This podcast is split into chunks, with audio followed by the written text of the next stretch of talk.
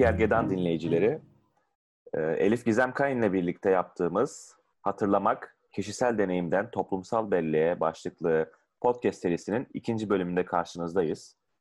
E, bu bölümde toplumsal bellek üzerine konuşacağız. Merhaba Elif.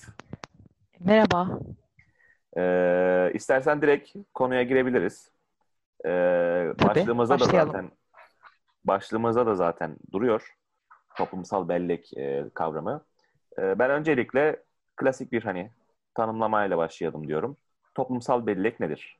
Önce bellekten başlayayım ben de. Bellek bizim deneyimlerimizi, yaşadıklarımızı, gördüklerimizi e, kodlayıp daha sonra kullanmak için e, sakladığımız ve aynı zamanda işlemlediğimiz bir sistem. Toplumsal bellek ise bir olaya ilişkin kişisel anıların bireyler arasında aktarılması ve topluluk içinde dağılıp yayılmasıyla oluşan bellek türü. E, biraz daha sosyal açıdan baktığımız bir kısmı aynı zamanda belleği. Evet. E, ve şey aslında toplumsal bellek olarak saymamız için bir olayı illa bizim bunu deneyimlememiz de gerekmiyor. E, bahsi geçen bu olayı e, biz deneyimlemesek bile başkalarının deneyimlerinden faydalanıp bunları duyup, dinleyip, farklı şekilde kodlayıp, daha sonra olay sonrasında bunun üzerine düşünüp farklı bilgiler edindiğimiz zaman da bu bizim toplumsal belleğimizde yer ediyor. Aslında bu başlık e, sosyal bilimlerin farklı alanlarında çalışanları galiba daha ilgilendirir. İşte tarih, e, siyaset bilimi çalışanlar için biraz daha ilgi çekici gibi. En azından benim için öyle. E, peki bu toplumsal bellek ve biz otobiyografik bellek üzerine konuşmuştuk. E, kişisel bellek, otobiyografik bellek arasındaki e, farklar ya da benzerlikler nelerdir? Bir kıyaslayabilir misin? Tabii öncelikle otobiyografik bellekten e, kısaca bir tanımını yapayım tekrar. Otobiyografik bellekte bizim e, deneyimlerimizden yola çıkarak oluşturduğumuz e, bir bellek türü. Burada e, yine olayları nasıl hatırladığımız önemli ve neleri hatırladığımız. E, burada üç tane kuram vardı. Bir çocukluk amnezisi, 3 yaş öncesini hatırlamamamız, hatırlamamamız. E, diğeri ana tümseyi. Bizim 15-30 yaşları arasında e, daha önemli olayları hatırlamamız. Çünkü bu dönemde daha yeni, daha farklı olayları deneyimlediğimiz için bu dönemden daha çok anı hatırlıyoruz. E, aynı zamanda bu bizim biraz e, işte gençlik yıllarımız ya da e, yetişkinliğe başladığımız dönemler 15-30 yaş arası. Farklı olaylar deneyimliyoruz. Mesela işte liseye başlamak, üniversiteye gitmek, iş sahibi olmak, farklı ülkeler gezmek, daha farklı insanla tanışıp kendi karakterimizi, kimliğimi oluştur kimliğimizi oluşturduğumuz bir dönem. O yüzden bu dönemden de daha fazla, daha önemli olay hatırlıyoruz. Diğeri de yakınlık etkisi, diğer bir kuram. Bu da hayatımızın son 2 ile 5 yıl arasındaki olayları daha çok hatırlamamız. Yani önemli olmasa bile, çok belirgin bir önem öneme sahip olmasa bile yakın zamanda yaşadığımız olayları da biraz daha fazla hatırlayabiliyoruz. E, bu e, anı tümseyi özellikle bizim toplumsal belleğimizde de yer ediyor. Mesela yine bu dönemler arasında 15-30 yaş dönemleri arasında yaşadığımız toplumsal bir olay belki de bizim kimliğimizi oluşturmamızda etken olabiliyor. E, ya da yine bu e, kimliğimizi oluştururken ilgilendiğimiz ideolojiler, e, ilgi alanlarımız vesaireyle ilgili olaylar da bizim için önemli bir yer edebiliyor. Dolayısıyla anı tümseyi toplumsal bellekte de karşımıza çıkan bir durum. Ee, peki bu noktada şeyi soracağım. Hayatımızın mesela önemli bir döneminde işte üniversite sınavı gibi veya e, bilmiyorum evlilik olabilir, işte iş işe iş bulma, işe kabul alma farklı şeyler geliyor tabii aklıma. Bu dönemlerden geçerken yaşanan önemli bir e, ulusal ya da küresel olay e, bunun bizim hafızamızda, belleğimizde kalıcılığı e, daha fazla oluyor gibi bir şey var mı? Araştırmalar bir şey söylüyor bu konuda. E, tabii özellikle biyolojik açıdan da bakabiliriz. Bu gençlik dönemimizde bir noktada bizim bu e, anıları sakladığımız kısım prefrontal korteks, kısaca bunu söyleyebiliriz. O ve hipokampüs bu belleğin e, kodlandığı bölge beynimizde. Buradaki etkileşimler ve bağlantılar daha çok artmaya başlıyor. Aslında biz hani beynimizin tam anlamıyla şeklini aldığı bir dönem. E, dolayısıyla buradaki anılarımız biraz daha fazlalaşıyor ve aynı zamanda biz bu yaşadığımız olayları belli bir e, zaman ölçü olarak da kullanabilir. Kısaca milattan önce, milattan sonra diyorsak önemli bir olay için. Belki yaşadığımız bir olay bulunduğu dönem itibariyle bizim için de bir ilk ve son hani öncesi ve sonrası kısmı yaşatabilir bize. Hı hı. E, dolayısıyla mesela şu an koronavirüs salgını düşünebiliriz aslında. Hani bu dönem insanlar hani en net, en yakın olay bu ama bir 10 yıl sonra baktığımızda gerçekten çok önemli bir yerde yer alacak. Bir de şunu düşünebiliriz, düşünebiliriz. Mesela bu ara bir e, lise ve üniversite sınavları çok fazla gündemdeydi. Evet. Tabii öğrenciler için bilhassa hem hayatlarında bir dönüm noktası yaşıyorlar hem de aynı zamanda bir pandemiyi de yaşıyorlar. Mesela büyük ihtimalle bir 10-15 yıl sonra bu ikisini birlikte hatırlayacaklardır. Tabii aslında ben e, bu soruyu sorarken biraz da kendi e, üniversite yıllarıma git yani üniversite hazırlık senesine gittim. İşte o dönem gezi olayları ertesi e, yaşanıyordu. Senin bu dediğin e, noktadan bakınca da bu işte Mart ayında, Nisan ayında pandeminin zirveyi gördüğü dönemde e, ben hep şeyi düşündüm. E, bu büyük felak İtalya'yı düşündüm mesela. İtalya'da yaşanan büyük felaketin ileride işte 10 yıllar sonra belki 100 yıl sonra bile e, halkın işte toplumun belleğini nasıl bir yere edineceğini düşündüm. Yani düşününce cidden o anın en büyük felaketiydi dünya üzerindeki. Hani şu an aslında Brezilya'da, Amerika'da çok daha büyük felaketler yaşanıyor ama belki alışmamızla paralel olarak pek konuşulmuyor, önemsenmiyor ama o İtalya benim için e, bu konuda ilk hani düşünmeye başladığım anlardan biriydi. E, şimdi uluslararası şey geçmişken e, farklı ülkelerde, farklı toplumlarda bu toplumsal belleğin oluşumuna dair ya da hangi olayların daha çok toplumsal bellekte yer edindiğine dair sosyo-kültürel farklılıklar nasıl bir rol oynuyor? Buna birkaç örnek verebilirim aslında. Mesela şeyden bahsedebiliriz. Hani demin tanımda da açıkladığım gibi bizim illa bu olayı deneyimlememiz gerekmiyor. Sonuçta bizde bir tarih dersi görüyoruz ve çevremizden başka insanların anılarını dinliyoruz ve bizde bir önemi oluşuyor bazı olayların. E, buna mesela Almanya örnekleminde İkinci Dünya Savaşı'nı verebiliriz. E, İkinci Dünya Savaşı ile alakalı e, Yahudi soykırımını e, hatırlayan kişiler var. Ama bunların çoğu mesela kamplarda kalmış insanlar da değil. O insanların torunları ya da tanıdıkları fiziksel olarak orada bulunmamış ya da o zamanlarda Almanya'da yaşamamış ama kendi hayatları için o topluluk için, Yahudi toplum için önemli bir olay ve bunu mutlaka söylüyorlar önemli olay. Toplumsal anı olarak bunu belirtebiliyorlar.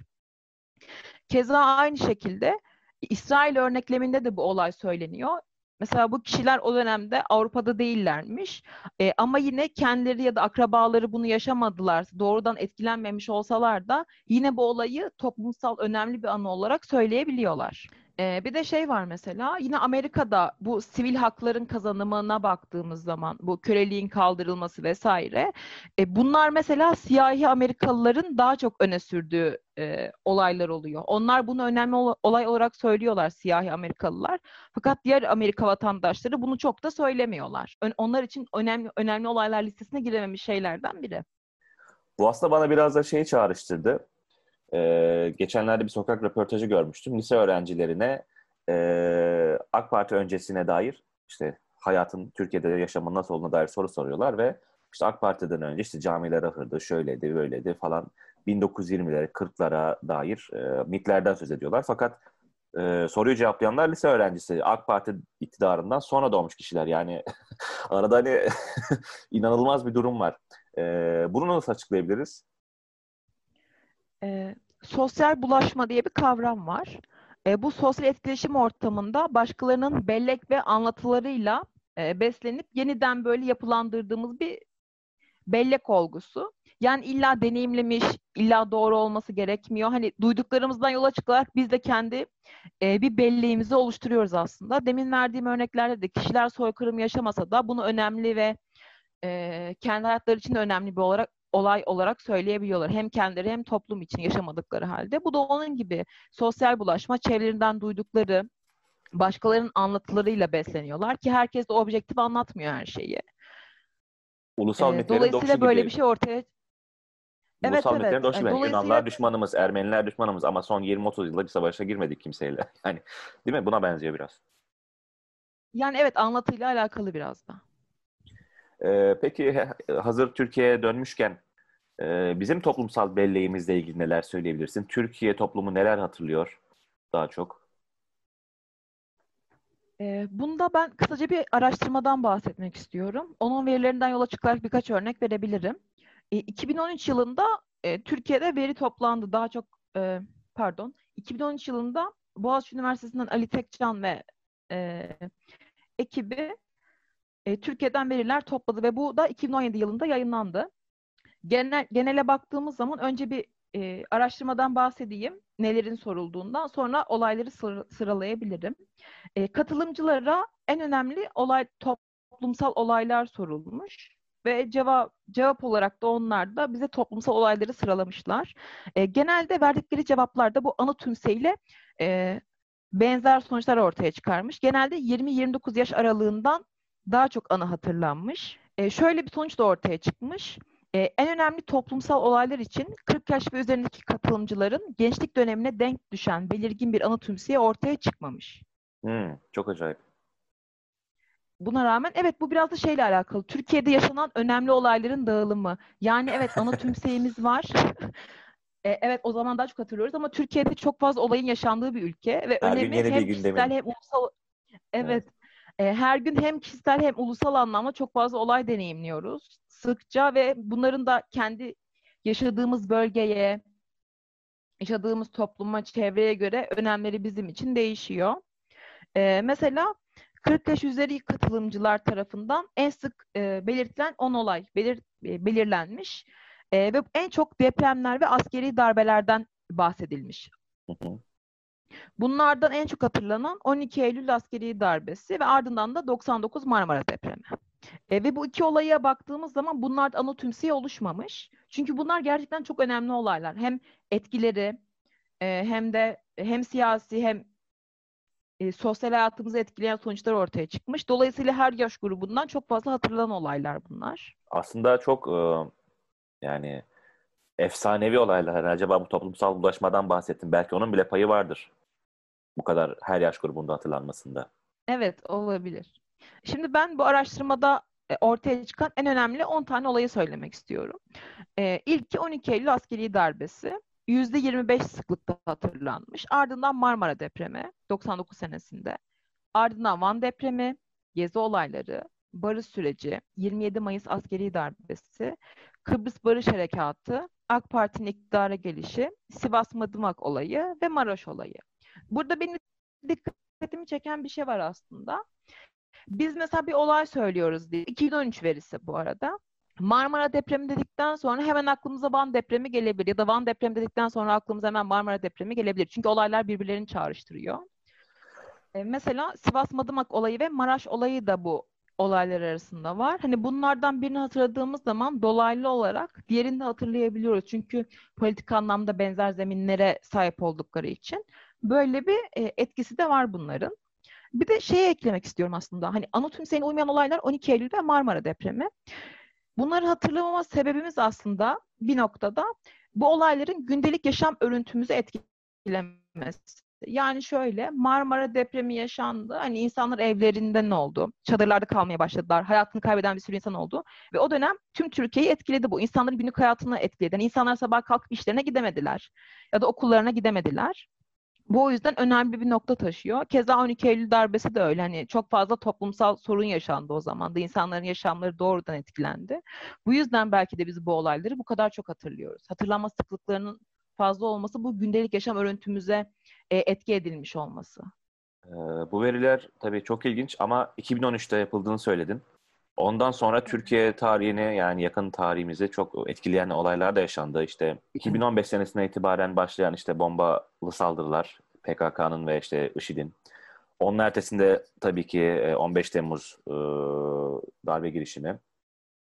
Bunlar hakkında elde güncel veriler var mı acaba?